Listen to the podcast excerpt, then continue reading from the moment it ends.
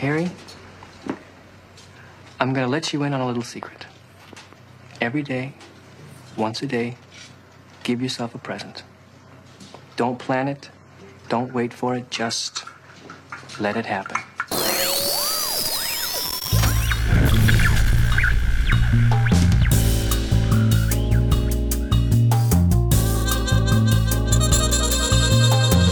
De Zeepkast.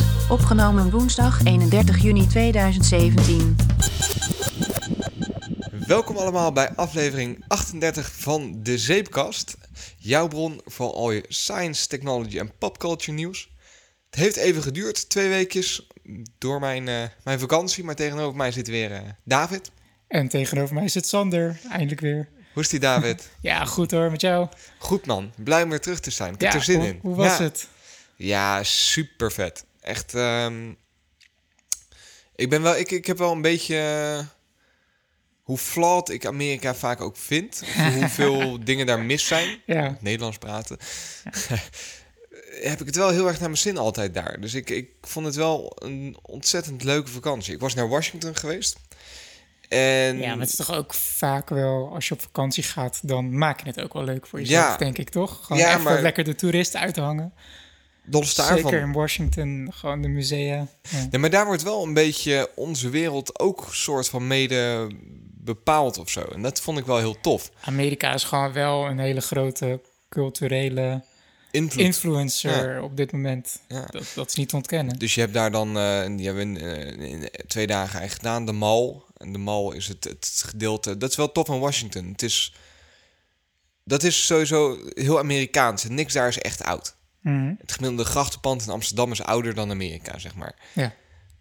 Ehm, tijd om het af te breken. Nee. nee, maar dus je hebt daar de Mall. En daar zo, dat is helemaal ooit ook aangelegd als zijnde bijna een, een, een, monument. Eh, dus het is heel goed nagedacht over zichtlijnen. eh, om het allemaal maar zo epic mogelijk te maken, zeg maar. Ja, het is gewoon dat wel heel werkt wel. symbolisch, heel trots. En dan krijg je wel...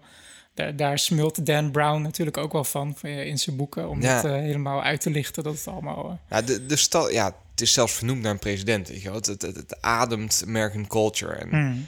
Het is wel tof dat je dan in één dag langs al die, die verschillende memorials en de White House en de Capitol en de Library of Congress en al, al, al die plekken een beetje, een beetje langs loopt. nog naar Trump kunnen, kunnen zwaaien. Nee, weet je wie ik wel heb zien lopen? Dat heb ik al verteld. Dus een Ja. retorische vraag.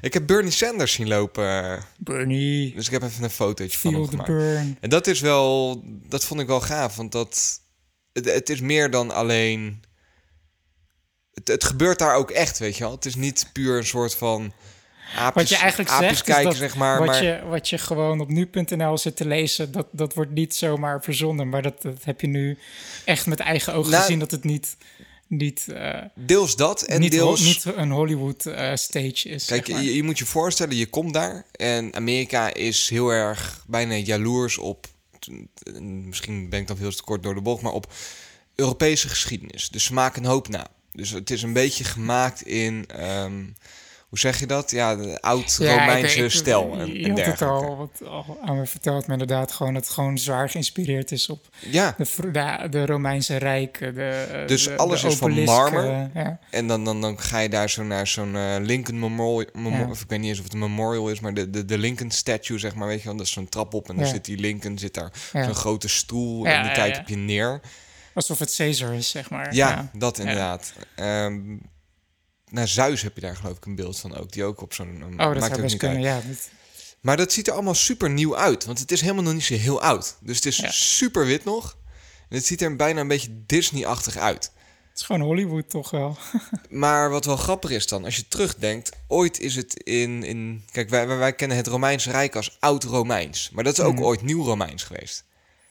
Dus als jij een tijdmachine had en je zou eh zoveel honderd jaar terug Ja. in de tijd gaan... en je zou in het Romeinse Rijk rondlopen, dan heeft het er waarschijnlijk ook zo uitgezien. Weet je wat ik altijd een, een hele grappige gedachte vind? Is als ik zeg, eh, wat jij nu zegt, de Romeinse Rijk, een beetje hoe, hoe dat eruit heeft gez- gezien in Rome, en de piramides. Ja, Wat denk je dan een beetje? Hoe, hoe, wat voor beeld krijg je daarbij, als ik dat zeg? het is een heel, heel, heel open vraag. Wat voor beeld krijg je bij de piramides in het Romeinse Rijk? Ja? Nou ja, dat, dat mag je Ehm, invullen zoals je wil. Statig, oud, eh, First Civilization, dat beeld een beetje. Ja, dan, dan haak ik gelijk even in op oud en first civilization. Want dat, Ja. dat heb ik ook altijd. Ook van, het is allebei gewoon oud. Ja. En het is allebei ancient civ- civilization. Maar hoe die afstand die wij voelen tussen ons en het Romeinse Rijk... ja. Die, dat, hoe oud dat is, dat hadden de Romeinen met de piramides van de Egypte, van de Egyptenaren. Ja, dat daar Dat is even- dezelfde ja. afstand. Ja, qua, Qua, tijd, zeg maar. Dat is toch, dat, toen ik dat voor het eerst hoorde, dacht ik van... wow, dat, dat was wel een soort van omkering in mijn gedachte. Van, wow, dat het, niet alles is gewoon oud-oud, maar dat, daar, daar zitten ook gewoon afstanden tussen. En dat, dat hoe wij naar de piramides keken, daar keken de Romeinen dan ook zo naar, zeg maar. Van, wow, Ja, dat, is oud, dat, is een, dat is oud, ancient, first Als, civilization. als, als- zeg maar. wij, wij categoriseren dingen gewoon heel snel als oud. Ja, en ja. Het is alle twee oud. en ja. dan is het gewoon ongeveer even lang geleden, terwijl dat eigenlijk helemaal niet zo is. Dat vond ik gewoon even grappig. Maar goed, Ja. ik was aan het vertellen. Ja, dus stel je hebt een tijdmachine in zou en dat, dat rijk daar rondloopt... dan ziet het er ook allemaal super kitscherig en eh, nep uit in jouw gedachten. Omdat Mhm. het er daar ook allemaal heel nieuw uitzag. En zo is het ooit wel bedoeld.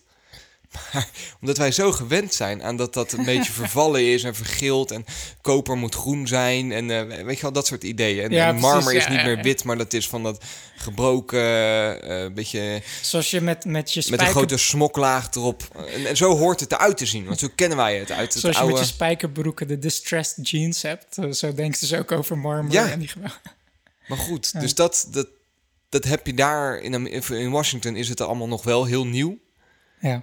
Hoe het ooit dus wel bedoeld is. Maar daardoor heb je wel een soort van idee alsof je rondloopt in een amusement park. Of in een... een, een Ja, dat- dat, S- s- eh, snap je mijn gevoel? ik snap het- je- als ja, ik uit- snap je heel goed, Maar als je dan ineens een Bernie Sanders daar zo bij de Capitol echt ziet, ziet weglopen in Ja. pak. Op een, het was 34 graden die dag, hem vol in pak. Al die, al die gasten trouwens. En je ziet hem lopen en denk je van nee, het is geen amusement park. Het gebeurt hier echt. Het gebouw waar ik nu sta, naar sta te kijken, dat enorm vuil witte gebouw met een grote koepel erop.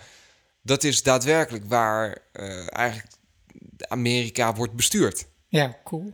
En deze man hier is daar het bewijs van. Ja. Want hij loopt hier. Snap je? Ja, dat, ja, dat, dat vond ik heel vet eraan. Ja. Dus daarnaast, en dat wil ik ook, want dat, eh, daar, daarmee zag ik wel heel erg de link met, eh, met onze zeepkast. Hmm. Ik ben daar ook naar twee eh, musea's geweest, naar meer musea's, maar Je twee, had een foto gestuurd en ik Ja. was meteen heel jaloers. twee die Ja. ik even wou bespreken. Want ik ben in eh, een tweetal. ehm, kijk, Amerika is het tevens het land van de eh, luchtvaart en de ruimtevaart. NASA. NASA. Je hebt in Washington heb je het, het Space Museum. Ik zal even- Mhm. dus, dat is een. eh, ik heb foldertjes meegenomen. Daar ben ik altijd verslaafd aan om foldertjes mee te nemen. National Air and Space Museum. Eh, en dat is een Smithsonian, dus dat houdt in je mag gratis naar binnen. Dat is Cool. echt tof. Ja, Jij bent er ook geweest, vertelde je. eh, ja maar je- toen was ik negen of zo. toen je negen was. ja.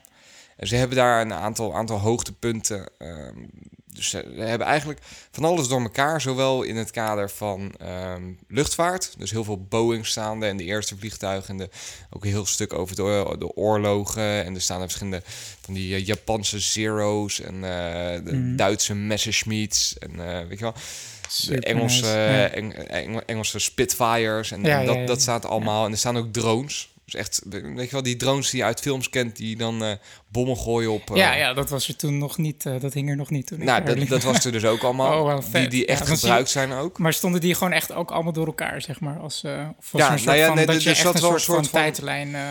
Er- zat wel een soort van order in, maar het zat ook wel. Ik, ik vond het eigenlijk misschien te veel voor één museum. Dat ze er Ah, twee ja, ja, musea ja, van ja, ja, hadden. musea of ja. museums, kan Ja. mij alle twee. Ja. Maar dat je één luchtvaartmuseum had moeten hebben en één space museum. Want het was nu zoveel dat je er eigenlijk eh, aan een dag bijna niet genoeg aan hebt. nee, precies, ja. Dat, eh, Maar daar heb ik wel, wel hele eh, toffe dingen gezien. Ze hadden de, ik, ik heb daar, daar ben ik het meest, en dat iedereen moet daar wel een beetje om lachen, maar ik heb een stukje maan aangeraakt. Niet de heb- zangeres, maar echt een stukje maan.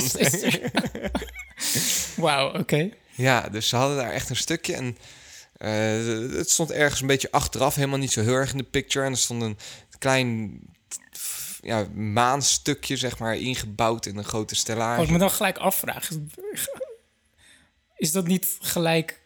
Vergruist dat niet helemaal door al die mensen die dat constant aanraken en zo? Het was niet verguisd. Nee. Oké, want ik zag de foto en volgens het zag er super klein uit. Nou, het, Dus het is een soort steentje. driehoekje, zeg maar, dat ingebouwd is in een... in- dus het is ehm, ja, gelijk met de ondergrond. Dus het zit er Hmm. echt in ingelegd. En je kunt je vinger erop leggen, zeg maar. Het is gewoon een stuk steen. Ehm, maar heel veel mensen hebben het ook niet door dat dat daar ligt. Dus er lopen gewoon ook heel veel mensen langs. Best kept secret, ja. Ja, dus ik heb, ik heb er wel een foto van. Ik heb het aangeraakt en was er vet blij mee. En ze hebben daar zoveel, eh, ja, echt van die space memora- memorabilia. Ik weet niet Ja. wat het, het Nederlandse woord is. Memorabilia, ja, ik weet niet of het Nederlands is. Ehm, en dat is gewoon heel, ehm, heel vet om te zien. Dus ze hebben daar van de Apollo-missies hebben ze allemaal, eh, allemaal dingetjes. Ehm, ze hadden geen... Ja, ik, ik zit ondertussen ook op mijn mapje te kijken. Ja. Want ik heb een mapje daarvan. Een van de hoogtepunten die ze daar ook hadden... is van de gebroeders Wright. Dus dat vliegtuig, weet je wel? Stond de original daar of een replica? Ja, nee, de original. Maar, Wow, dat is wel nou ja, dat dacht ik dus ook. En dan loop je daar naar binnen en denk je, dit kan hem nooit zijn. Dit Ja. ding ziet er zo nieuw uit. Dat is heel Amerikaans ook wat ze dan hebben gedaan. Het originele doek, dat was een beetje vergild en viezig geworden en zo. Dus dat hebben ze eraf gehaald en ze hebben er gewoon een nieuw doek op gezet. En dan ligt het Ja, originele dan kan doek... je net zo goed een replica maken. Ja, het originele doek, dat Ja. ligt daar nog wel een klein stuk van. Ja, dit was het Oh, originele doek. En ik denk Ja. van, nou, dat had je toch prima kunnen laten zitten. Ja. Maar dat, dat doen ze daar heel erg. Gewoon als het niet meer mooi is, dan vervangen ze het gewoon. Het is nog steeds het origineel. En nou, dus dat, dat ja, dat is wel een beetje naar. was, wel, was wel geinig om te zien. En je hebt er dan allemaal spacesuits, ook van, eh, van, van eh, Russische astronauten. Van, eh, Cosmonauten Amerika- zijn het dan. Cosmonauten. En van, van Amerikanen. En nou, dat was gewoon echt wel een, een leuk museum. En zeker een aanrader als je daar bent. Ja, ik zou sowieso echt wel eh, een keer terug willen. Daarnaast ben ik ook... volwassen blik. Jij bent daar niet geweest, maar die kreeg ik ook aangeraden. Geweest naar het Stephen F. Utvar Hazy Center.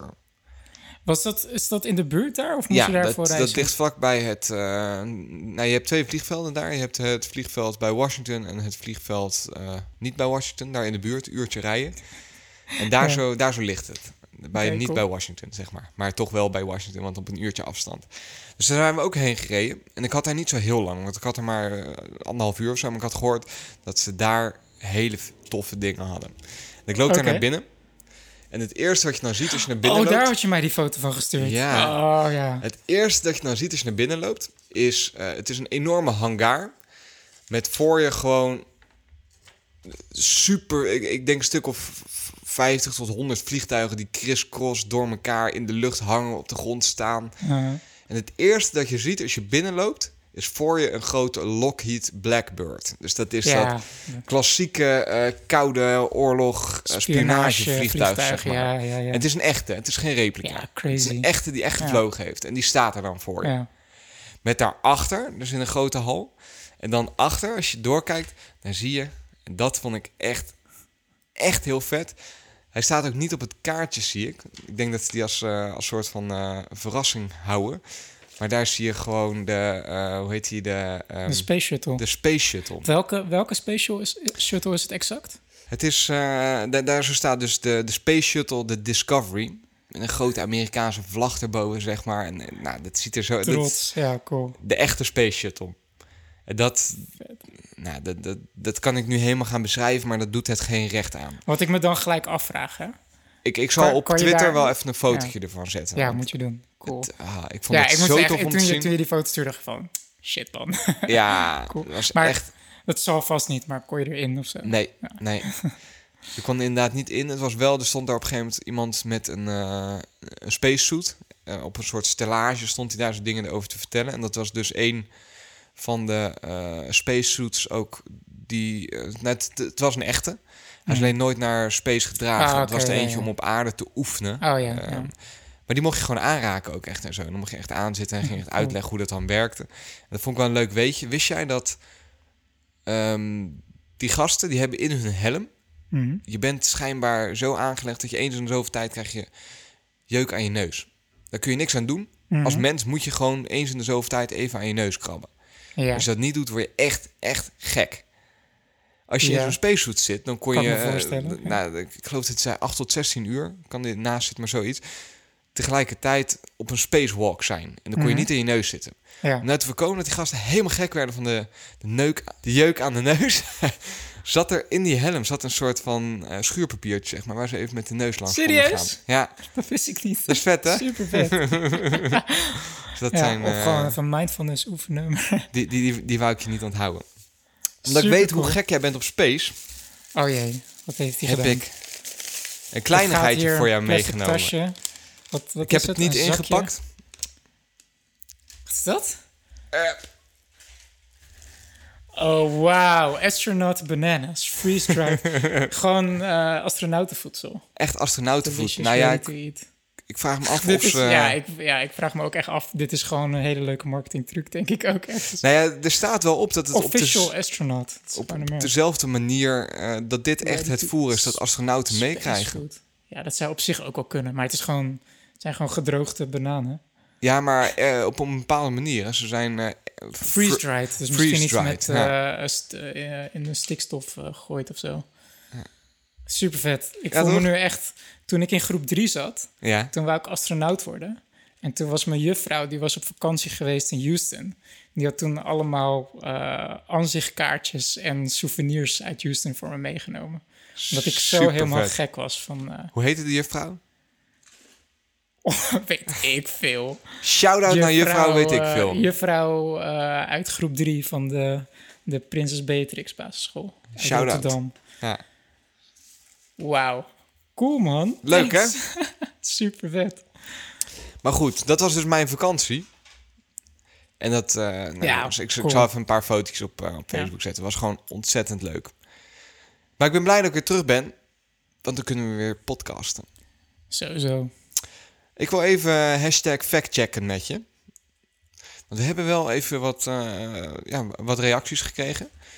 Ja, is weer het een en ander gebeurd. Ja, ja zeker. Ja, dus we hebben even van eh, Jasper hadden een boekentip gekregen eh, voor het boek Aliens, the world's leading scientists on the search for extraterrestrial life. Ja, dat vond ik Van, oprecht eh, echt wel een toffe tip. Ja, is- schrijver Al-Khalili. Dat, dat sloeg waarschijnlijk een beetje op onze Fermi Paradox eh, aflevering. Dat, eh, ja, En dat is gewoon een boek die je gewoon even. eh, volgens mij is het een soort essay met twintig, met twintig verschillende verhalen van wetenschappers. van verschillende die, wetenschappers. En, die eh, vertellen hoe, eh, eh, hoe ze op zoek zijn naar eh buitenaards leven, wat ze verwachten. Eh, dus hoe complex, of ze geloven in heel complex leven, of dat het toch meer eh, eh, bacteriën zijn, dat soort dingen. Dat vind ik echt. Ik, ik, eh, ik heb hem op mijn boekenlijst gezet. Ik, ga hem zeker wel lezen, denk ik. ja, nee, ja, ik heb ook even... Het, het was wel... De prijzen lopen enorm uiteen hoor, voor die verschillende boeken. Ik had hem gezien bij, eh, bij Bol. Daar was die, eh, ik geloof, 25 euro. Toen was die bij Het is Donner. wel, gaat, is wel gauw hoor met dit soort boeken. Want het zijn niet van die. Ja, eh, maar meer dat ik verbaasd was toen ik keek bij Donner. ja, Dus dat is de, de boekhandel in Rotterdam. En die, daar was die, ik geloof, 15 euro. 15 euro. En als eh, e-book is hij, is hij eh, 7 euro. Dus Ja. ik ga hem denk ik lekker op mijn Kobo lezen. maar daar komen we zo wel af op terug. Misschien dat je eerst die andere... Ja. Want we hebben nog een boekentip gekregen. Van, Wat ik eh, trouwens wel, wil, dat wil ik gewoon noemen, want hij, eh, Jasper die had dan een link gestuurd op Motherboard van Vice. Er stond gelijk weer echt zo'n clickbait-titel op van... eh, ja, binnenkort gaan ge- geloven wetenschappers dat we aliens gaan ja, wacht, ik, ontdekken. ik, ik kan hem even bijpakken. Want ik heb en toen dacht ik echt van... We staan op het punt buitenaars leven te ontdekken, volgens deze wetenschappers. Dat was de We titel. staan op het punt om buitenaards leven te ontdekken. Ik dacht meteen zo van, oké, here we go. En toen las ik het artikel en dacht van, oké, dat is oprecht heel vet. Ik wil dit boek ook lezen. Maar de titel slaat helemaal nergens op. Is echt het schoolvoorbeeld van clickbait. En daar ben Ja. ik zo allergisch voor. Motherboard heeft er sowieso echt een handje van, hoor. Die gewoon compleet, bijna random titels erboven zet, die lekker bekken, dat mensen er maar op Ja, klikken. het, het klopt gewoon niet, de titel. Weet je. Het, dat is gewoon niet wat er gepretendeerd wordt in het Nee. artikel zelf. Maar goed. Nee. Moest ik even kwijt. Vond ik Ben, je het kwijt? Ja, ik ben het kwijt. We kregen nog een, eh, nog een boekentip van eh, Dirk Jan. Die stuurde, nou, nou niet zozeer een boekentip, maar een schrijver. eh Sixin Liu. Dat is een... eh, een, een ik had Een even- schrijver. Ja, nou, dit is een, eh, een, een Chinese schrijver. Hij heeft ook een Chinese naam en dit is zijn versimpelde Europese naam. Dus we noemen Mhm. hem lekker Sixin. C-I-X-I-N-L-U-I. Louis. En dat is een, een schrijver van hard science. Dus echt van harde, Ja. harde science fiction boeken. Ja. Zijn boeken zijn origineel in het, eh, in het Chinees dus, maar die zijn ook vertaald naar... de- oh, dat is best interessant. Want Ja, het die- kan soms... eh, die, die zijn vertaald naar het Engels ook, want anders lezen ze zo moeilijk voor ons. Dus dat, eh, dat is vertaald. Ik heb even heel kort, want ik heb die boeken niet gelezen. Maar nee, ik ook even- niet. Ik even- kende de schrijver ook niet. Nee, Ik, ik heb dus even de, de wikipagina erbij gezocht. En eh, wat me één opviel is dat hij schijnbaar best wel een, een, een flinke naam is in de, de hard sci-fi wereld eh, in China. Eh, hij Grote, prijzen- grote markt, dus ja, wat, ja, flink wat prijzen gewonnen. En, en ik heb toen even een van zijn boeken is, is even snel gescand waar het nou over ging. Een van zijn nou, boeken, of hoe dat vaak bij ehm, hard sci-fi gaat. Het is een trilogie. Mhm. Dat is een, eh, een drie, drie luik. Het heet The Three Body Problem heet het eerste boek daarvan.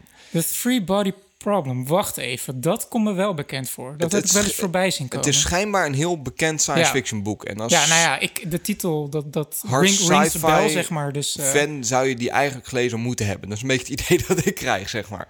Ja, en Ha. wat ik er heel snel van lees is dat het gaat om een wereld die eh, tussen een aantal eh, manen eh, en zonnen in zit en in een heel ja, harsh environment, dus een heel, Mhm. heel dodelijke omgeving Ja. waarbinnen ik geloof 11 van de 12 planeten die in dat systeem leven al vernietigd zijn en die ene planeet die heeft dat overleefd, maar die zit Mhm. dan op verschillende cycli zeg maar tussen verschillende zonnen. ja.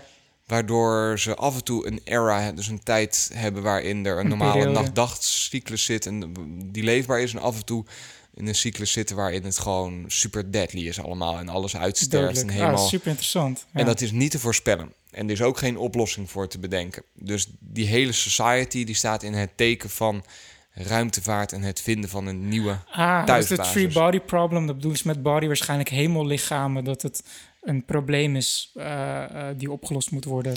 voor hoe Z- een- z- zoiets. Maar het, het- toen ik het las, dacht ik wel van... ik snap inderdaad eh, dat Dirk-Jan denkt dat wij dat heel tof vinden. En denk Ik- ook dat... ik denk dat hij ergens waarschijnlijk ook gelijk heeft. dat, Dus- denk ik, dat denk ik ook. Ja, Ja. dus zetten we ook op de leeslijst. Hoop te lezen. Ik zet hem wel op mijn leeslijst in ieder geval. Ja. Misschien sowieso wel leuk om zo even door doorheen te gaan wat we op dit moment allebei aan het lezen zijn. Ja. Dus die parkeren we ook Ja. even. Wordt, een, wordt een lange aflevering dit. Ja, nou, ik heb wel een deadline. Dus, eh, ja, ja. En Lisbeth, die had nog even een appje gestuurd... want die maakt zich een beetje zorgen. En met haar ik ook. Hoe weet je dat je Alexa uit is? Die hebben we natuurlijk vorige Ja, keer over gehad. Ja, eh, niet. Nou ja, ik, ik, hey had- Alexa, sta je uit? Ik geloof dat er iemand wel is geweest die had met ehm, Little Snitch. Dat is een programmaatje, dat Mhm. kun je draaien. Ja, dan kun je dat, zien eh, welk netwerkverkeer er actief is op je netwerk. Had hij ehm, gescand. Ehm, en daaruit bleek dat Alexa geloof ik niet constant in verbinding staat. Pas als je zegt, hey Alexa, dat hij een verbinding opent. Ehm, Ja, maar, je goed. weet niet wat Amazon op de achtergrond voor kanalen heeft. Voor soort van backdoors. Nou ja, op en, zich, eh, Little Snitch zou redelijk alles eruit moeten halen. Want die, die Ja. filtert echt Ja, klopt, alles, ja, alles wat er doorheen gaat. Maar ja, ik, ja, ik, dat is wel een lastig probleem met dit soort apparaten. Als we straks, kijk, we hebben al, eh, je ziet al vaak genoeg dat mensen een plakkertje voor hun, voor hun camera op de, op de MacBook plakken en zo. Ik ben daar zelf niet van. Ik bedoel, je hebt eh, een lampje die een indicatie geeft. En wat ik heb ooit gehoord dat het ook hardwaremaat, hardwarematig ja. met elkaar verbonden is. Dus je Klopt. zou dan echt kortsluiting moeten creëren of zo om dat lampje eh, niet aan te laten gaan. Klopt, dat lampje, dat, dat schijnbaar kun je dat softwarematig niet bewerken. Ik heb wel eens een research paper gelezen van een stel researchers... die het wel gelukt is met een virus om inderdaad het lampje gewoon toch Oh, uit te krijgen. Precies, dat zal waarschijnlijk met iets o- laten overspannen Dus iets, Dat met vanaf- spanning creëren. Vanaf MacBooks van Ja. 2008 is dat of zo. Dat dat echt niet meer softwarematig te beïnvloeden is. Ja. Ehm, dus daar ben ik niet van. Maar ja, dat probleem gaan we wel gewoon steeds meer krijgen. Weet je? Ik, sowieso gewoon dat iets altijd meeluistert. Ik vond een van de grappigste voorbeelden vond ik die Burger King reclame. Dat, dat ze ooit een stunt hadden uitgehaald met eh, Google Home. Van dat ze Burger King die had een televisiereclame gemaakt. Die was 30 seconden. En daarin zeiden ze van, nou ja, we hebben nu een reclame van 30 seconden. Dus niet genoeg tijd om uit te leggen wat allemaal onze Whopper zit. Dus laten we het Google vragen. Oké, Google, wat zit, in mijn, eh, wat zit in een Whopper? En toen was de reclame afgelopen. En dan mensen met een Google Home, die begonnen opeens de ingrediënten van een Whopper op te lezen.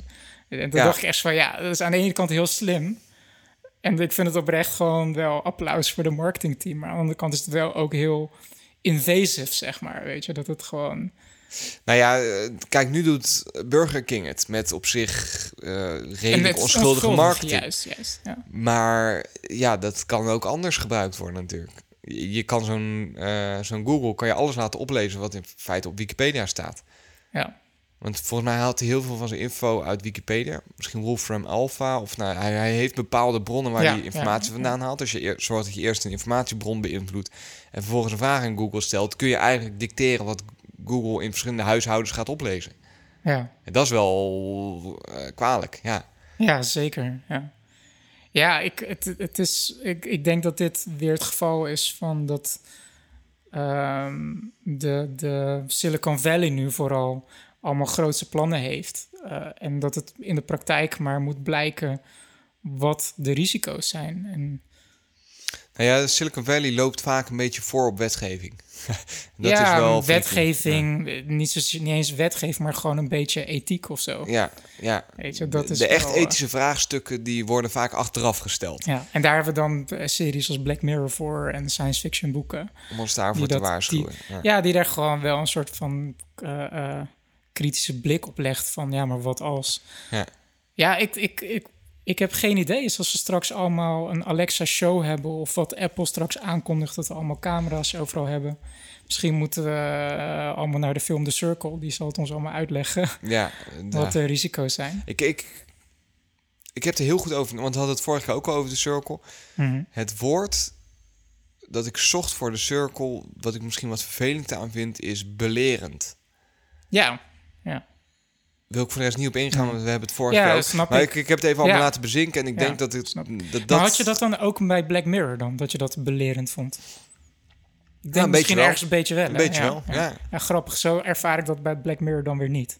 Bij The Circle kon ik me... Nou ja, nee, kan ik weet je- niet. Ik vond The Circle ook niet per se belerend. Ik vond het gewoon... Het was gewoon de schrijfstijl. Die, hoe, heet die aflevering van Black Mirror? Dat, dat je constant op je telefoon zit en dat je iedereen Eh, aan het nose- raten bent. Nosedive. Je kan niet zeggen dat het niet belerend is. Dat daar geen boodschap in zit van we zitten met z'n allen veel te veel op een- social media. Natuurlijk zit er een boodschap in, maar... Dan is het toch belerend van dit, dit moet je niet ja, doen. we hebben het... eh, er zou, ik had hem niet zo lang geleden nog een keer teruggeluisterd, die, die discussie tussen ons eh, over Black Mirror. En ik vind nog steeds dat het... Ik snap het wel, dat je dat gevoel hebt, maar ik vind nog steeds dat gewoon de functie van science fiction ook ergens is om een alternatief puur te laten zien. Gewoon dat het, en dat hoeft dan niet meteen te betekenen dat de technologie aan zich per se slecht is. Maar en sowieso vind ik dat Black Mirror veel meer vertelt over de mensheid zoals die is, als met onze hunter-gatherer eh, zoogdierenbrein, dan de technologie op zich. Dus meer, de technologie is niet per se de kwade kant. Het is meer hoe wij ermee potentieel mee om zouden kunnen gaan. Zeg maar wat voor, Ja.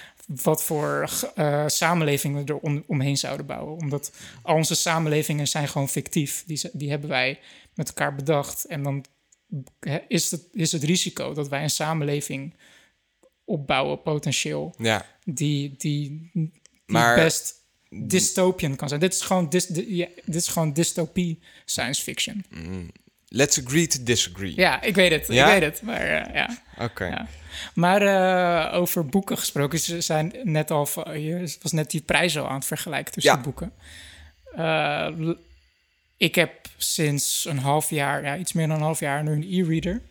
En ik begin het steeds vaker te merken, man, dat ik gewoon echt twijfel tussen van, ja, die, hard, die hardcover is toch wel echt heel mooi. Maar hij is gewoon een minder dan een vierde va- va- van de prijs op mijn e-reader. Ja. En het is gewoon, het scheelt me ruimte in mijn huis. En als ik heel eerlijk ben met mezelf... is een e-book handiger dan een fysiek boek. Toch? Ja, het, ik bedoel... Het, weegt het is- minder, het, neemt geen ruimte in beslag. Je kan er 10.000 kwijt op, op, op één, één... Het leest veel chiller, het is veel lichter in je hand, backlit. Eh, als ik heel eerlijk ben met mezelf, als ik het boek uit heb, dan belandt hij in de kast. En dan staat hij er eigenlijk al meer als trofee. Dat als iemand langskomt Ja. en naar je boekkast zit te kijken van... Oh, zo, oh, jij leest dit en dat. Dat, dat is echt het enige. Want ik, had, ik liep laatst ook weer in de boekhandel... en toen zag ik echt een super mooie editie hardcover liggen van American Gods.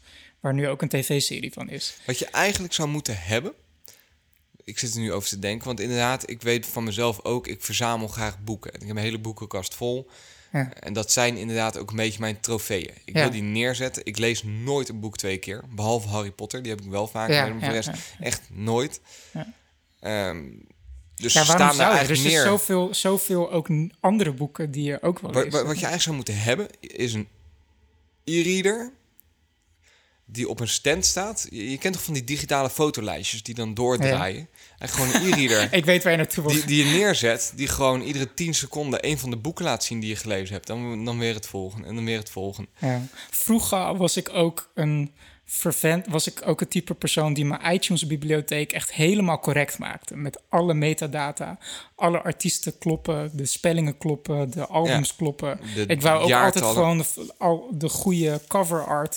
En dan had ik een iTunes screensaver die dan zeg maar eh, een grid liet zien van al mijn muziek, omdat ik gewoon geen CD's meer kocht. Ja, Dus ik had wel zoiets van: oké, ik stap over op, op eh, alles digitaal. Maar ik wel een mooie screensaver van al die, al die eh muziekkoffers. Dat, snap je? En dan moet je eigenlijk met boeken moet je dat ook hebben.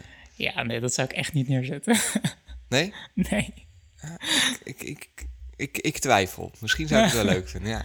Begin een Kickstarter. Ja, dus ik vind het wel goed. Nou, het zou gewoon een appje kunnen zijn Ja. natuurlijk. Ja. Maar ik, ik was dus, eh, eh, ik zag dus die editie liggen van American Gods. Echt super mooi. Zelfs van die, ik, ik kon hem niet openslaan. Het wa- was in, in folie verpakt.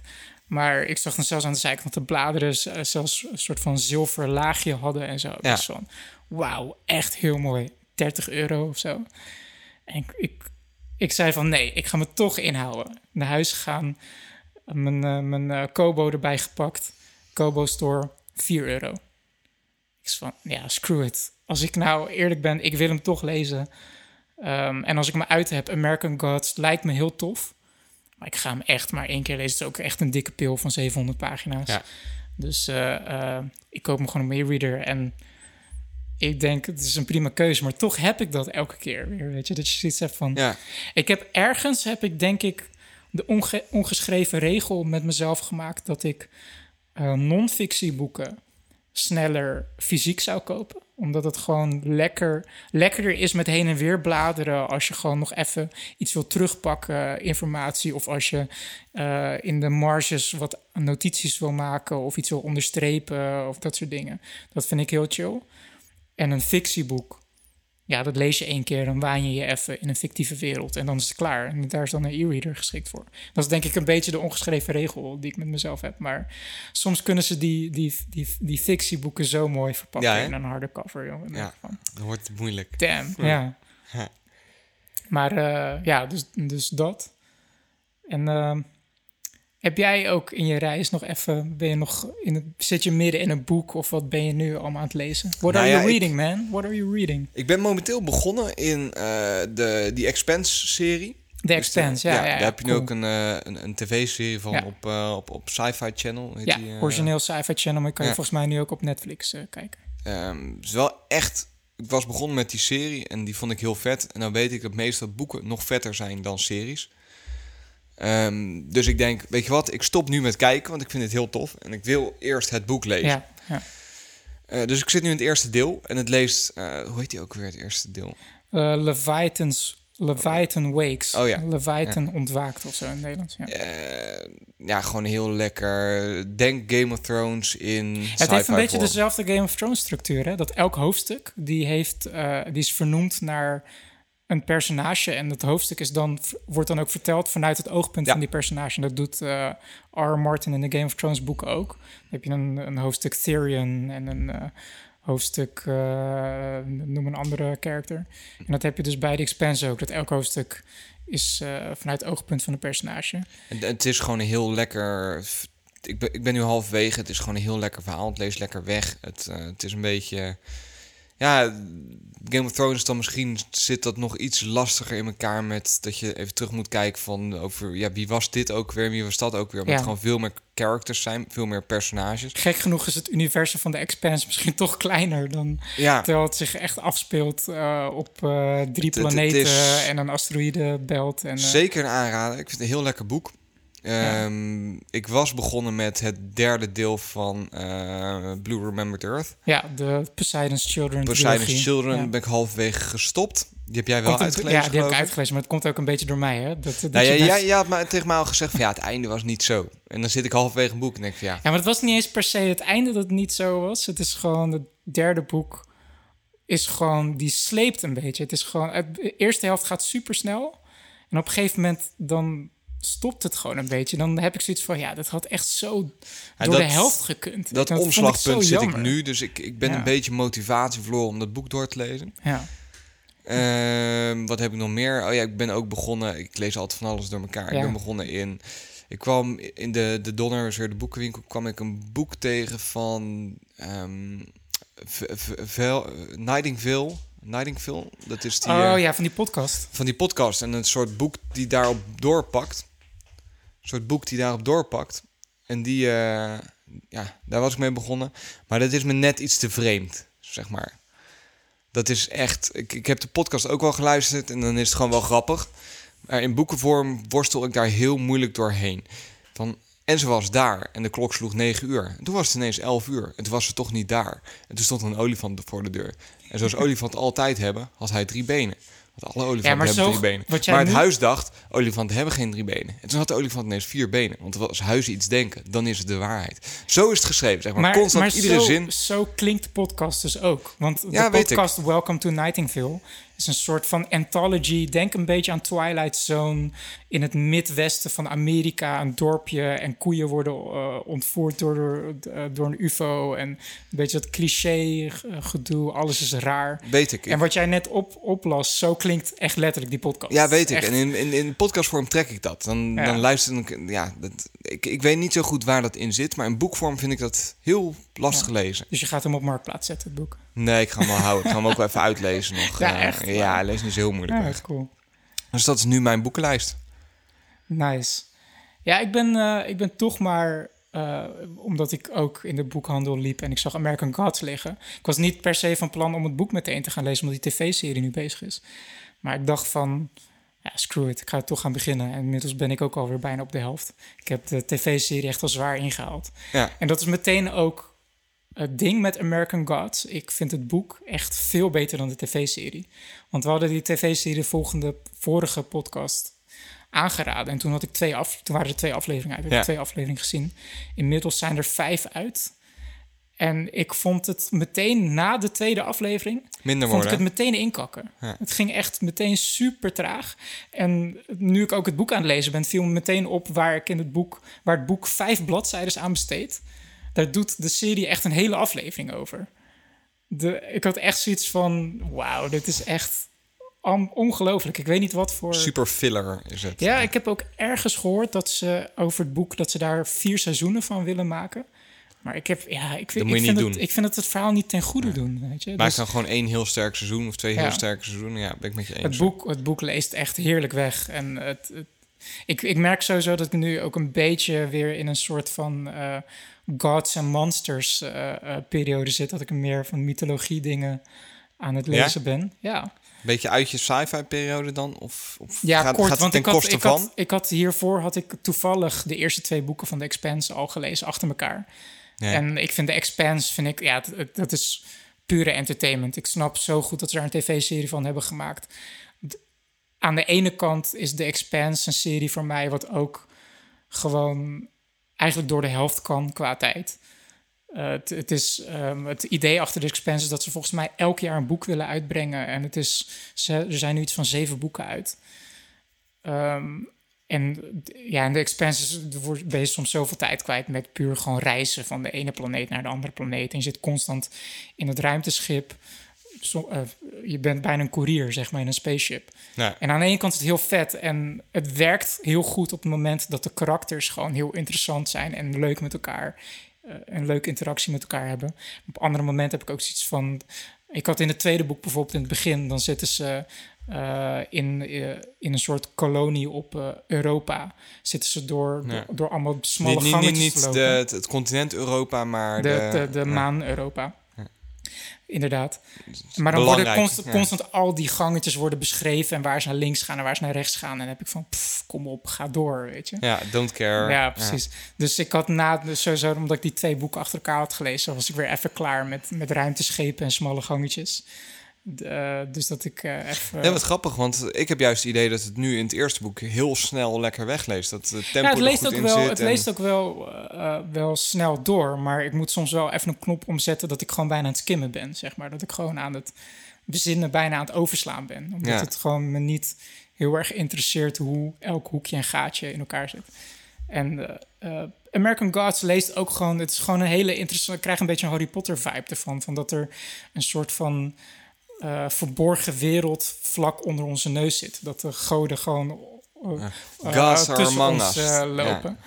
What if God was one of us? Ik moet altijd denken aan Austin Powers erbij. Oh ja? Dan heb Oh, je, hoe heet die, die Dr. Evil, zeg maar. Ja, ja. En die heeft een zoon, die heet Scott. En die neglect hij altijd een beetje. Oh. What if Scott was one of us?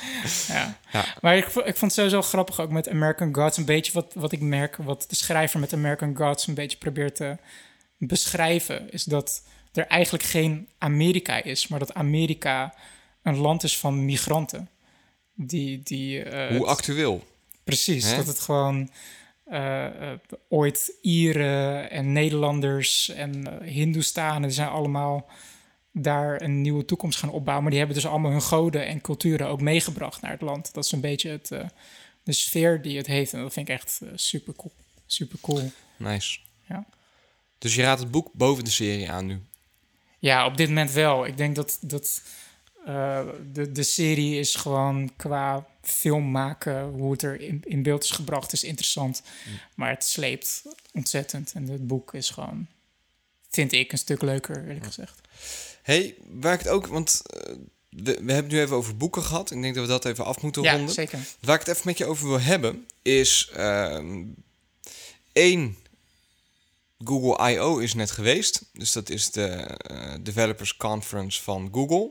En Ja. twee, de Developers Conference is eh, voor ontwikkelaars de, de conferentie van Apple. Die komt er komende week aan. WWDC. Komende maandag. WWDC, ja, Ja. WWDC. Het is misschien leuk om even te kijken naar wat Google heeft aangekondigd en wat Apple, wat wij denken dat ze gaan aankondigen. Ja, ik, ik, ik, ik heb niet alles van, van Google I.O. meegekregen. Maar een beetje de, de rode draad wat ik er toch weer doorheen zag... en wat je nu bij alle partijen al een aantal jaren ziet... is artificial intelligence. Ja, En voorna- voornamelijk wat Google nu heeft aangekondigd met Google Lens... dat vind ik het meest interessante. Dat, dat ze nu echt computer vision, dus dat een, wat een computer ziet met een camera letterlijk... wat wij in de wereld zien, dat hij dat gaat interpreteren... Uh, en hoe Google dat wil Ja. gaan inzetten, dat vind ik interessant. en, en, en ook live. Hè? Dus je kon met Google een post, dat je een foto Precies, maakt van een van, nu is van, het, je van- richt je, camera erg, Ja. je, je richt je camera ergens op, wat is het? En dat voorbeeld met de bloemen, dat heeft een paar maanden geleden heeft Samsung precies ook laten zien met Bixby. Bixby, Bixby een Ja. eigen AI. Ehm, en ja, computer vision, daar zijn, daar zijn zoveel eh, tech-demos van te zien. Van dat je een camera ergens op richt, wat is het? Het is een hotdog. Wauw, hij pakt het. Nou ja, het, is wel grappig, want we zijn, of grappig, eh, we zijn, ik, ik denk nu twee jaar geleden begonnen of zo met, eh, met de zeepkast. En toen was augmented reality al een ding. En toen Ja. hadden we het er al over dat dat echt groot ging worden. Ja. Je ziet nu mondjesmaat dat dat inderdaad steeds meer invloed heeft. En steeds meer mainstream wordt ook. Ja, maar er is één voorbeeld die Google eh, liet zien, wat voor mij wel ergens een hele eye-opener was. En tegelijk super logisch van waarom, waarom doet niemand dit nog? En dat was het voorbeeld dat, dat ze eh, de camera van je smartphone voor de sticker op je router, waar je SSID-code en wachtwoord staat, erop zetten. Je, je, telefoon die leest dat en die weet meteen, oh, dat is een wachtwoord voor een wifi-netwerk en dit is het wifi-netwerk. Ik meld je meteen aan, bam, je bent connected. En dan, toen dacht ik gelijk van, yes, dit is waar computer vision handig voor is. Dat, al die andere voorbeelden van wat voor bloemen zijn dit, ja, dat... eh, Grappig dat je dat zegt, want in feite heeft Apple dat al jaren. met de iTunes giftcards. Snap je? Dat is precies, hetzelfde. Precies hetzelfde. Maar waarom hebben ze dat dan nooit doorgepakt? Want in principe dat, dat met de, de, de tekst die op een, op een router staat... is daar heb je niet, niet eens per se computer vision aan zich voor nodig. Want computer vision is echt van... je kijkt de wereld in... eh, de lucht is blauw, dat is een kat, ik zie een grasveld. Dat is voor een computer heel lastig. Ja. Want daar zijn, zitten zoveel variabelen aan verbonden. Een, een, een lagere versie daaronder, onder computer vision, is in principe OCR. Optical character recognition. Ja, gewoon leestekens eh, bekijken, omdat de variabelen daarvoor veel beperkter zijn. Je hebt een alfabet, je hebt wat leestekens. Ja. En je hebt een aantal lettertypes. Daar kan je een computer best op trainen dat hij dat kan lezen. Dus OCR hebben we al een tijdje. Al, al heel lang. En dat wel Ja. al, al tien jaar... eh, Ja, Ik, ik vond het wel, want ik zag het voorbeeld. En ik dacht ook wel... Waarom hebben wij stickers met onze wachtwoorden erop... onderop onze modems en routers? Terwijl we iedereen altijd leren... schrijf je wachtwoorden niet op. ja. ja Als ik bij jou binnen eh, ben, ja. ik kan gewoon mijn telefoon, jij zit even op de wc. Ik scan even je, je router. Eh, Ik heb alles, ik zit erin. En dat kon voorheen ook, maar dan moest ik nog snel. Of moest ik, de- er is weer een barrière weggehaald om eh, een, een, een soort veiligheidsbarrière. Het gaf me ook een beetje een ongemakkelijk gevoel. Ik dacht van ja, dit is misschien niet. Ja. Nou ja, kijk, hoe ik het meer interpreteer, is dit is eigenlijk de, de omslag van... eh, kijk, computer vision wordt heel erg verkocht naar eigenlijk je, je eigen ogen te enhancen. Van, ik zie iets, maar ik weet niet wat het is. Dus Nou ja, laat ik de computer vragen. En dat is eigenlijk...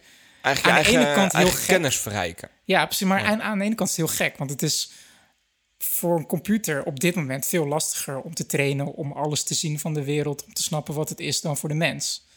En dan is toevallig misschien denken... want het valt me ook op dat bloemen eigenlijk altijd... bloemen en vogels en vlinders is altijd het voorbeeld. Kijk, hij ziet dat het een vlinder is. Heb jij ooit Maar- gehad dat je over straat liep en dat je een vogeltje zag en dat je dacht: hé, hey, wat voor vogeltje is dat? Nee, ik ben niet zo'n type persoon. Ik heb dat ben niet geen zo vaak, hoor. Nee, nee maar wat, wat dus eigenlijk de andere denkwijze, andere filosofie is met het voorbeeld met die wifi-wachtwoorden. Is Ja. dat je dus eigenlijk, waar we het vaker over hebben, in een legacy-wereld leeft. Met stickers, met tekst en logo's en verkeersborden en zo. En de computer die moet zich wanen in een wereld die visueel is ingesteld voor ons als mens. Weet je, en nu, nu zijn we onze computers aan het trainen van... oké, jij ziet iets, jij weet wat het is... maar je weet ook wat de context ervan is... en waar je het voor moet gebruiken. En dat is toch wel interessant. Daar, Ja. daar moest ik wel aan denken. Want aan de ene kant denk je van... ja, moeten we dan eh, toch de hele wereld om gaan bouwen... naar hoe een computer het makkelijkste denkt en kijkt? Moeten we alles volgooien met NFC-chips? En, eh, want dat heb ik ook een keer eerder gezegd... van ja, als we straks allemaal autonome auto's hebben, gooi al die verkeersborden weg. En, eh, maar het is misschien toch logistiek gezien misschien juist makkelijker. Om de hele wereld is visueel ingesteld voor ons. Ja, Dus maak een computer die dezelfde vision heeft, dezelfde gezichtsinterpretatie heeft als wat wij hebben. ja dus in feite het enige, de enige extra link die het heeft is een snelle, is, is een snelle link met de grid, zeg maar, het netwerk. Ja, en dat die, ja. Dus jij, ja, in jij feite wat iets- wij met een neural Ja. lace willen straks Ik- hebben, ik- dat ik- jij ja. connected bent met internet, dat, dat heeft de, de robot al Ja, in dus principe. jij ziet bloemen. Normaal gesproken moet ik dan naar Google gaan, intikken Ja. witte bloemen, rode vlekken, eh 10 centimeter lang, Ja. groeien eh, in eh, Rotterdam. Wat voor bloemen kunnen het zijn? En dan kan ik dat best wel uitzoeken. De computer ziet niks anders dan ik. En die zal ongeveer dezelfde analyse uitvoeren. Van, nou, hij is Ja. zo lang, deze kleur. en Dit. Maar die kan dat veel sneller dan ik. En die slaat als het ware die stap van invoer slaat hij over. Hetzelfde met je, je SSID. En dus je, je wachtwoord invoeren. ja. Hij ziet gewoon, eh, de term SSID staat hierin. Dit zal vast een netwerk zijn. Ik vul het gelijk in. Kijk, het is één je ding- hoeft het niet meer te doen. Het is één ding om het te herkennen, maar dit, dit zijn baby steps in dat, het, dat dingen ook in context worden gezien. Ja. En dan krijg je een beetje het proactive verhaal, dat artificial intelligence ziet wat er gaande is, maar dan ook proactief weet van, oh, maar dan wil je vast dit doen. Zal ik het dan maar gewoon gelijk voor je doen? Ja. En dat is aan de ene kant, vind ik dat wel heel vet. Ja, maar goed, dat, dat komt er dus aan van Google. Maar wat denk jij dat er aankomt met WWDC? Van? Apple? Ja, Ja, ik heb me er, ik, ik heb me er niet heel erg veel in gelezen, maar ik heb ook het idee dat er ook praktisch niks is uitgelekt. En daarom vind ik misschien WWDC altijd de tofste presentatie van Apple, omdat het aan de ene kant developer gericht is, dus vaak ook meer software developers, gericht. developers, developers. Ja. Dus vaak ook meer software gericht. En Apple kan software veel beter eh, geheim houden. ja, zeker waar. Dus ik heb geen idee wat er met iOS 11 gaat gebeuren. Geen idee wat er met de nieuwe macOS gaat gebeuren. Er zijn hardware-geruchten dat er een Siri-speaker aan zit te komen. Daar, daar ben ik het meest benieuwd naar. Ja, Een, Ja, een Siri-speaker. Met waarschijnlijk scherm dan. Want daar ja moet wel. Daar heeft. Phil Schiller letterlijk iets over gezegd. Ja, het zou dom zijn als ze dat nu ineens een, een, alleen Nee. een Siri-speaker uitbrengen. Terwijl Phil Schiller net heeft gezegd dat hij zo'n speaker eigenlijk Ja. alleen voor zich ziet met een scherm. Ja. Maar er zijn geen... Er, er, er is niks van uitgelekt. Nee, Dus, waarschijnlijk eh, dus een... eh, daar wil ik nog wel even over hebben. Want ze, waarschijnlijk, hoogstwaarschijnlijk komt er dus een upgrade voor de 15-inch MacBook Pro. ja, Die is praktisch nergens meer leverbaar. Dat is eigenlijk 9 van de 10 keer. ja. Teken aan de muur dat er Ik, nieuws ik sta daar heel kan. positief tegenover dat als dat zou gebeuren. Ja en echt- nee. Ik vind wel... Ik, nou ja, ik, ik kan me zo goed voorstellen als je net zo'n ding hebt gekocht... dat je wel een beetje in de kous voelt staan, zeg maar. Nee, dat heb ik dus niet. Want ik vind dus dat, dat Apple weer een veel duidelijkere scheiding moet maken tussen de pro-markt en We hebben de het al heel vaak over gehad. Ja. Ja. En de pro-markt, in mijn mening, moet het niet boeien wanneer een nieuwe uitkomt. Die moet de zekerheid hebben dat elke zes maanden dat er een, dat weer het nieuws van het nieuwste, net weer een snellere flashchip inkomt. Net als er een nieuwe CPU eh, van Intel is, die komt er gelijk weer in. Als je nu naar de winkel loopt, moet er het snelste van het snelste moet Ja, erin zitten. Dan doe jij de aanname dat de 15-inch nu door professionals gebruikt wordt. Dat klopt, maar dat, nou goed, ik doe niet de aanname. Ik zou willen dat Apple de 15 inch echt voor de pro-markt maakt. En de 13 inches en de Airs en de 12 inch MacBooks voor de prosumer tot de consumer maakt. Ik ben het met je eens. Kijk, de, de, de meningen verschillen. Ik, ik, Ik kan me gewoon heel goed gevo- voorstellen dat je hebt heel hard gespaard. Je bent al jaren aan het sparen, want het heeft even geduurd tot er een nieuwe Mac uitkwam. Komt een nieuwe Mac uit en denk ik, potverdomme, hij is ruim 3000 euro. Dat had ik niet verwacht. Dat zijn Ja. ze nooit. Dan heb je nog ergens wat geld los weten te weken bij familie, bij weet ik Ja. veel wat. En je hebt zo'n ding gekocht. Je bent er super blij mee. Iedereen zegt, ja, dat is wel heel veel geld voor zo'n laptop. Maar jij bent er heel blij mee.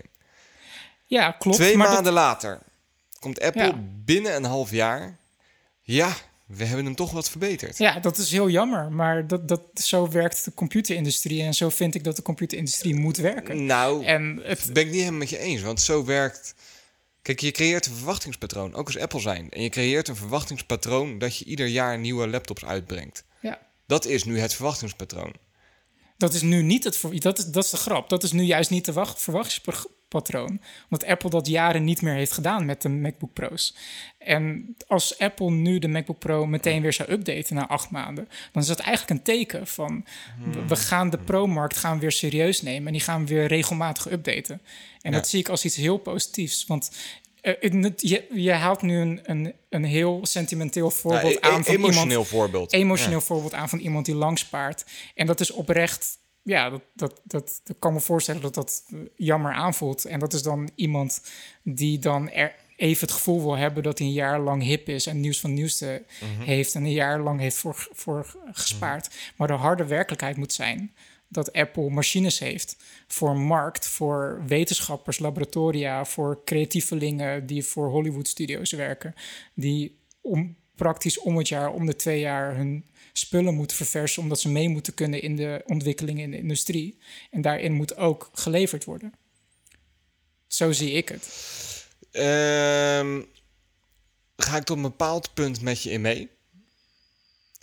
Maar ik ben het gewoon niet met je eens. En het ligt een beetje aan hoe ze nu die 15 inch erin gaan zetten in, eh Ja, vooral, in vooral, vooral Maar zolang die touchbar erop zit, Ja. Is het een consumerproduct. Ben ik Mm. oprecht. Dat dat is zo'n flashy iets. Dat heeft puur uiterlijke... Weet je, dat, dit vind ik een hele grappige opmerking. Want dat zou je ook in de geschiedenis kunnen plaatsen als toen de echte wetenschappers die zaten achter terminal consoles, mainframes, die waren eh, mainframes aan het programmeren om bepaalde berekeningen uit te voeren.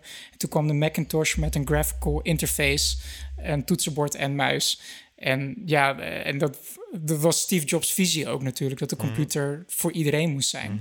En dat dan daar een, een, een computer scientist eh, eh, pro- programmer, wetenschapper zit met... ja, dit is geen professioneel product, heeft mooie plaatjes, kan je mooi mee tekenen... heeft een toetsenbord en muis. Maar het echte werk doen we nog steeds op de mainframes... met, eh, met harde codetaal en, en geen graphical interface. Ja, dus dat, dat vind ik een hele grap. Ik zeg niet dat je fout zit, maar ik, Nee, maar gewoon, daar- ik moet, ik moet meteen, in. ik, ik plaats hem gelijk in de geschiedenis, weet je, van oh grappig, weet je. Ja. En eh, ik wil niet zeggen dat, dat, dat de touchbar gelijk ook weer zo'n nieuwe frontier is waar Apple altijd heel, heel graag mee eh, te koop staat. Van ja, we hebben de clickwiel voor de iPod bedacht, heeft alles veranderd. Wij waren de eerste met de muis. Ehm, Nee, waar, waar, denk ik de crux in zit, is of het eh, of, of een feature daadwerkelijk een probleem oplost. Dus dat is met een GUI, is dat zo, met een Graphical User Interface. Dat lost een probleem op. En dat zorgt dat je uiteindelijk sneller kunt werken. Onomstotelijk Ja. is dat zo. Dat is zo voor Ja, dat- dat- consumers dat en dat is zo voor de professionele markt, toch? ja, Ik vind dat wel de vraag bij die touchbar. dat klopt, maar En ik vind hoe die nu wordt ingezet, vind ik dat niet per se een probleem oplossen. eh, anders dan ja, dan, ja, het dat- vervangen van een stel Ja, knoppen. Dat, ik vind de sprong te snel om dan te zeggen dat het dan maar voor consumers is. Het is, het is een poging van Apple om nieuwe input systemen te introduceren. Het, het- kijk, als je een roze gouden en een gouden MacBook maakt, ja, daar, daar, dat boeit niet voor de, voor de pro-markt. Dat is niet interessant. Dat Ja. is puur inderdaad om de consument die ook het oog wil ook wat eh, daarin te voorzien. Een touchbar is een poging en dan is is maar de vraag of het gelukt is of niet. Maar om het dan op basis van of het lukt of niet, dan consumer of professional te noemen, vind ik een lastige sprong. Daar ga ik niet meteen in mee. Nee, maar, Maar, je snapt eh, wel mijn punt. Ja, ja ik snap wel Ja. je punt, zeker. Ja. Maar eerst, kijk, dan komen we weer op het punt van... eh, klopt Apple's filosofie nog met, met hardware, met de pro-markt... en gaan ze daarin voorzien? Kijk, dat, daar ga ik niet weer instappen. En daar heeft Apple ook al dingen over gezegd... met de Mac Pro die ze gaan uitstellen. Ik, ik denk En, dat eh, we gewoon even moeten afwachten wat dan precies die update is. Ik verwacht, en dat is misschien mooi om daarmee af te sluiten dan, dat we alle twee even aangeven wat we verwachten. Of misschien Ja. samen aangeven voor, voor. Ik denk dat het gewoon een nieuw processortje is. Skylake. Ja, ik denk ook nieuwe processor voor, voor de, de Mac, voor de MacBook Uiterlijk Pro. exact hetzelfde. Misschien, Oh ja, absoluut. misschien Absoluut. iets, iets sneller eh, SSD aanspreken of, Misschien, of, of ja, zoiets. Ja. Maar voor de rest geen spannende upgrade. Voor de rest denk ik eerlijk gezegd alleen maar software. En ik, Ja. ik schat de kans vrij laag in voor een serie speaker. Het zou me niet verbazen als die komt, maar het zou me ook niet verbazen als hij niet komt. Ja, Beetje iPad, iPad is natuurlijk net maar- gedaan. Ga- gaan ze nog iets doen met de iPad mini? Nee, Het debakel, of wat, wat ik apart vind, dat Nee. de mini nu duurder is dan de instap-iPad. ik denk dat de mini zelfs gaat verdwijnen. ja, Ik denk dat er geen nieuwe mini meer komt. denk, denk het ook. Ik denk het ook. Nee. Omdat ze de MacBook Air, eh, MacBook iPad Air nu in die prijsklasse hebben gezet. Ik ben gewoon voornamelijk benieuwd naar iOS en of eindelijk de iPad en voornamelijk de iPad Pro's eh, meer aandacht krijgen bij de iOS-update. Want tot nu toe is Ja, het voornamelijk dat ze geweest dat, dedicated software krijgen. Ja, dat, dat er gewoon dat, dat, eh, dat de iOS-versie voor de iPad substantieel gaat upgraden ten opzichte van de iPhone. Want je merkt Ja. nu gewoon dat alle resources naar de iPhone gaan. En dan later in het jaar komt er dan nog... oh ja, de iPad krijgt ook splitscreen. Ik hoop dat ze nou eens gaan komen met gewoon een zwik aan merken die echt zich hard maken voor HomeKit. Ja. Want HomeKit blijft Ikea ermee. die had laatst toch iets aangekondigd met... eh, die, Ikea die gaat nu ook eh Ikea smart heeft lights ik maken. eh, lampen eh, inderdaad. ja, en die eh, werken ook met HomeKit. Dus nou ja, ik, ja. ik hoop dat daar gewoon eens even, want het staat al jaren op stapel dat Apple daar zo graag iets in wil betekenen en het, het gebeurt maar niet echt. Daar, daar hoop ik op.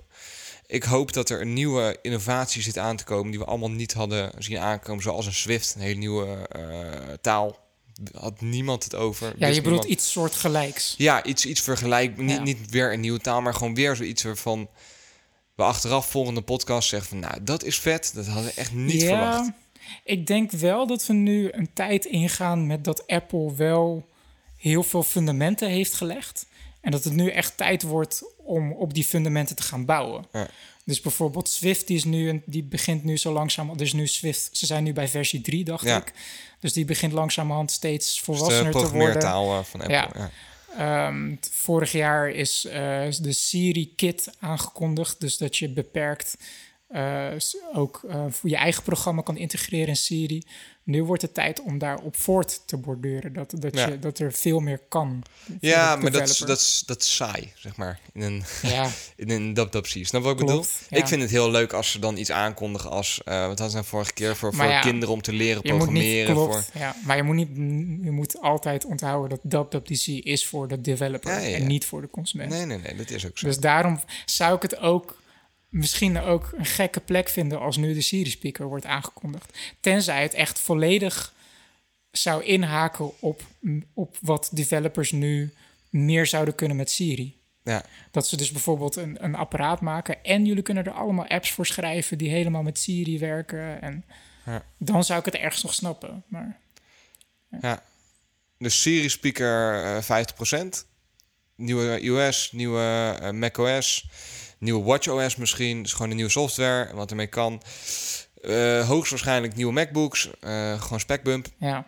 En een Eh, persoonlijk- iPads, niks. Zijn net Nee, gebeurd. Nee, ja, maar er ge- gebeurt niks met iPad hardware, iPhone hardware. Ehm, er nauwelijks, dus er wordt nauwelijks enige hardware die soms bij een WWDC gebeurt, is Pro hardware. Mac Pro of MacBook Pro. Voor de rest nooit. Ja. Dus eh, Dan denk ik dat we een redelijke voorspelling hebben. Dan gaan we volgende week eens kijken of we een beetje Ja. gelijk hadden. ja. Zullen we hem hierbij eh, laten, David? Ja, nou, ik wil wel. Kijk, we, we zijn nu een beetje aan het afraffelen en haasten. Het is met een reden, want ik moet zo ook weg. En het- deze week is ontzettend druk. Maar ik moet het gewoon nog heel, heel vijf minuten hebben over Twin Peaks.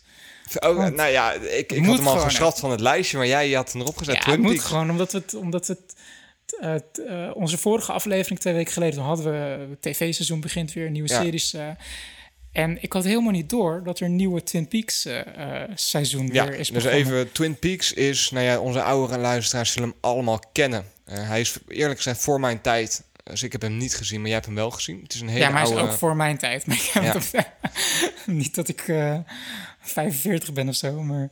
Nee, het is, het is een hele oude serie. Ja, het komt origineel, ik zal het even kort vertellen. Want Twin Peaks is, is near and dear to my heart. Ik heb dat, ik heb dat jaren geleden, heb ik, dat, heb ik ooit die DVD-box van iemand geleend. En echt in één ruk gekeken. Het was zo verslavend en geweldig. En zit, eh, eh, ik- ik durf wel te zeggen, in mijn, minstens in mijn top 5, misschien wel in mijn top 3 beste series ooit. En het is een serie uit 1990. Ik weet jouw top 3. Ja, dat weet jij. Ehm dus begon in 1990, is, was een onverwachte hit. En heeft, het, was, het was een vrij unieke show voor die tijd. Het, denk een beetje, het is een beetje een soort soapserie-achtig met wel een, een, een Het, is een whodunit, toch? ja, het begint met een moordmysterie. Verder spoelt een jonge dame aan, eh, aan de oever van de rivier. En dat is, was een heel geliefd meisje in een kleine community. De community, het dorpje heet Twin Peaks. Ver in het noorden van, eh, van Amerika. Eh, population, iets van duizend mensen. Iedereen kent elkaar. En zij was eigenlijk de prom queen. Het meest populaire meisje op de middelbare school. Die spoelt dood aan op de oever van de Ja. Aflevering 1. Wie heeft het gedaan? Whodunit. Ja, zo begint de show. En dat, was, bleek opeens een mega succes toen in die tijd. En vervolgens, omdat het ook vrij, denk ik, voor die tijd gewoon vrij nieuw was. Dat het echt zo'n serie was met een rode draad en dat je echt moest blijven kijken. Ja, cliffhangers. en, Het- eh, ik denk ja. dat het. Ik durf wel te zeggen dat het misschien een van de eerste puzzelshows was. Want later kreeg je series Lost, eh, eh, Battlestar Galactica, ehm, Fringe. Allemaal shows waarin je dus moet kijken om het te volgen en te, En- te, te snappen wat er nou gaande is. Heel belangrijk, het was in de tijd voor internet. Ja, En dat is met puzzelshows wel... het was echt de watercooler show. Dat iedereen Twin Peaks keek en dat je volgende dag... Iedereen een oh, wat aparte is er nou weer gebeurd? Er is weer een ja. nieuwe clue ontdekt. Wat, wat is er... Iedereen heeft zo zijn theorieën. Ja. In dat, ja, misschien is het toch de... Want tegenwoordig die moet je, of, moet, moet eh, je in series zien, bijvoorbeeld bij Wie is de Mol, vind ik heel erg. Moet je clues moet je zo ontzettend goed verbergen, Ja, dat ze eigenlijk ja je meer... kan alles stilzetten en inzoomen. Ja, deze aflevering begint met een, Ja. kla, met een K. Klaas was de mol. En dat Ja. begint ook met een K. En dan denk ik van ja, Ja. omdat het anders te snel Ja, uitloopt. dus dat was heel uniek voor die tijd. Maar het was meteen ook de downfall voor de serie. Want in seizoen 2 gingen de kijkcijfers gingen langzaam omlaag. Ja. Omdat mensen door hadden van ja, maar ik wil nu toch eindelijk maar eens weten wie de moordenaar is. En het werd nog steeds heel erg. Er werden wel steeds eh, botten naar de kijker gegooid. eh, snoepjes van nou, dit is een clue en dit zou het kunnen zijn. Maar dat, dat eh, ja, de, de kijkcijfers gingen omlaag omdat de mensen toch het geduld niet hadden. Uh, tell us now what is happening with the with the show. It's been on ABC now for two years, and it, when it came on, it was like one of the most talked about, uh, most highly rated shows of all time. So where do we stand now? Well, we've been uh, those popularity polls. that We've been decreasing in them uh, steadily, and um, there may be lots of reasons, but it doesn't make any difference. Now we're sort of in trouble. Uh, but you know, the truth of it is, if you stop and think about it, it seems like the, it might be the kind of show that would be, you know, kind of have a limited run, and then would Yes. become a classic forever. That's forever. okay too. Yeah. If if it has to end, you know, that's that's all, all right. But if it doesn't have to end, that's that's even better. En op een gegeven moment op druk van de, van de zender werd toch revealed wie de moordenaar was. er- Ergens richting het einde van seizoen 2. En toen was het helemaal over, want Ja, ja, het mysterie is opgelost. En toen is de show zo, na een grote hype is het tot zijn einde gekomen. En ja, ik heb echt altijd van die show gehouden, ook tot het einde. Want het is een David Lynch-serie. en David Lynch is echt een super weirde gast. Maakt arthouse films. En ik zei net al, het is een soort soapserie eh in, een, in een klein dorpje. En, eh, en dan denk je soapserie, dat is toch super... Het is super soft en zoet. En eh die is dan verliefd op die. Maar David Lynch weet toch daar een hele duistere, donkere ondertoon op te geven. Het is net, iemand beschreef het heel goed in een review, dat het is net alsof je in een soort perfect dorpje komt, waar in, in iedereen zondag naar de kerk gaat en iedereen is vriendelijk. Maar als je de stenen omkeert, dan zie je alle ongedierte en de wormen. En er zit, Ja. zit achter die façade zit er heel veel shit, zeg maar. En dat weet David Lynch echt perfect, die sfeer te creëren van, van, van dat, dat alles mooi en lief lijkt. Maar als je goed kijkt, dan is het echt walgelijk, zeg Ja? maar. En dat is zo heerlijk aan die serie. En wat hij ook heel goed doet, is... ehm, het is allemaal ook super weird. Want je hebt allemaal karakters. Een man met, met eh, eh, ja, één arm die, die schoenen verkoopt. Een vrouw met een piratenoglapje die eigenlijk hartstikke gek en misschien bijna dement te noemen is. Eh, er zit er is een, ab- vrouw, absurdisme. ja, een vrouw die door het dorpje loopt, die, die altijd een plank bij zich heeft, die ook tegen het plankje praat. Ed, Ed en Eh, ja, precies. Eh, en een van de hoofdpersonages is een FBI-agent die dus naar het dorpje wordt gestuurd om de moord op te lossen. Die dan constant tegen een tape, cassetteband, recorder loopt. Tegen Diane, zijn secretaresse, loopt te praten van... eh, ja, het is tien uur, ik ga nu voor mijn bakje koffie naar eh, de local diner. Het is... Het, het is zo weird en absurdistisch, maar als je zit te kijken, dan komt het toch normaal over. Het- ja, het klopt, klopt. ja. Het klopt in het plaatje. Waarom ik deze show nu aanhaal, is er is na, het is dus in 1992 afgelopen met een film, Fire Walk With Me. En die film is mega duister, want toen had hij geen tv-serie, tv-etiket waar hij mee en, eh, rekening ja. hoeft te houden. 26 jaar later, 25 jaar later, is nu seizoen 3 gelanceerd op Showtime. Super vet. En Zelfde producer, David ja, Lynch. David Lynch. En er was heel veel hijsen over. eh, want er was al een aantal jaar bekend dat ze met seizoen 3 zouden komen. Of David Lynch wel of niet mee zou gaan doen. Hij heeft een tijdje heeft hij zichzelf teruggetrokken door creatieve redenen. Maar uiteindelijk zijn toch de originele schrijvers, David Lynch en Mark Frost, eh, die eraan werken. En het is alsof het zo had moeten zijn. Een van de laatste scènes in de serie was dat het meisje die vermoord was, die, die kijkt de kamer in. We noemen haar Petra. ja, ze heet, haar achternaam is Palmer. Eh, Dat Ik Palmer. ben even de, de, de voornaam Petra. Palmer Nee. Die kijkt in de camera met See you in 25 years. Super freaky. En het schijnt dus ook dat de nieuwe serie met diezelfde scène opent. Dat zij de kamer in kijkt van See you in 25 years. Ja? En ik ben het nu dus ook weer opnieuw gaan kijken. Want ik dacht van ja, ik ga niet meteen gelijk die nieuwe serie induiken. Ik wil eerst de or- original weer kijken. In de derde aflevering heeft de hoofdpersonage, die FBI-agent, al een soort droomvisioen. Dat hij heeft hij ook van die oude mannen eh, make-up op en zo, dat hij er oud is gemaakt. Zit in een stoel en eh, s- super rare scène.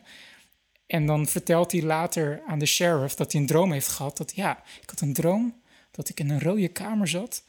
En dat was 25 jaar later. Ik was een, ik was een oude man, ik was 25 jaar ouder. En ik zat te kijken van, wauw, dat zit al in de derde aflevering van het eerste seizoen. Heel vet. Alsof het bedacht was. En het is Ja. nu gewoon met dezelfde acteurs, gewoon 25 jaar later, gaan ze gewoon verder in die show. Volgens mij ook echt in die scènes, in die droomsequences en zo. Dat Heel 25 vet. jaar ouder is. Ik, ik ga het misschien ook wel even kijken. Bizar. En de reviews zijn ook best wel laaiend van dat David Lynch het niet verloren is en dat het Nee? echt briljant is. Ik vind het e- echt een van de mooiste long cons van gewoon even iets 25 jaar op pauze zetten. Maar het zat al in de originele serie dat er ooit nog iets zou ge- gaan gebeuren. Nice. Dat is toch vet? Ik, eh, je, je hebt mij wel enthousiast gekregen. Ja, je moet zoveel kijken van mij, het is echt bizar. Ik, ik heb zoveel te doen. Maar goed, Maar Twin Peaks is echt, dat is sowieso echt een van mijn favoriete shows. En luisteraars, laat ook even weten of je Twin Peaks gezien hebt. Dat vind ik wel tof om even te horen. Ik denk dat we nu echt moeten afsluiten, David. Ja, zeker. Ik ga ook dood van de hitte en eh, ik moet zo gaan. Dus, Lieve eh, luisteraars, bedankt voor het luisteren weer. Fijn dat jullie weer eh, van de partij zijn. David, thanks. Jij ook weer bedankt, Ik Sander. vond het weer heerlijk om te Bedankt doen. voor de astronautenbananen. Ja, geen probleem. Mocht je iets kwijt willen, iets willen delen, iets, nou ja, je hebt een idee, je bent er ergens niet mee eens, je bent er ergens wel mee eens, of hè, you name it. Je weet ons te vinden via Twitter, via Facebook, you name it, we got it. En dan zien we jullie graag volgende week weer. David, thanks. Live long and prosper. Ciao.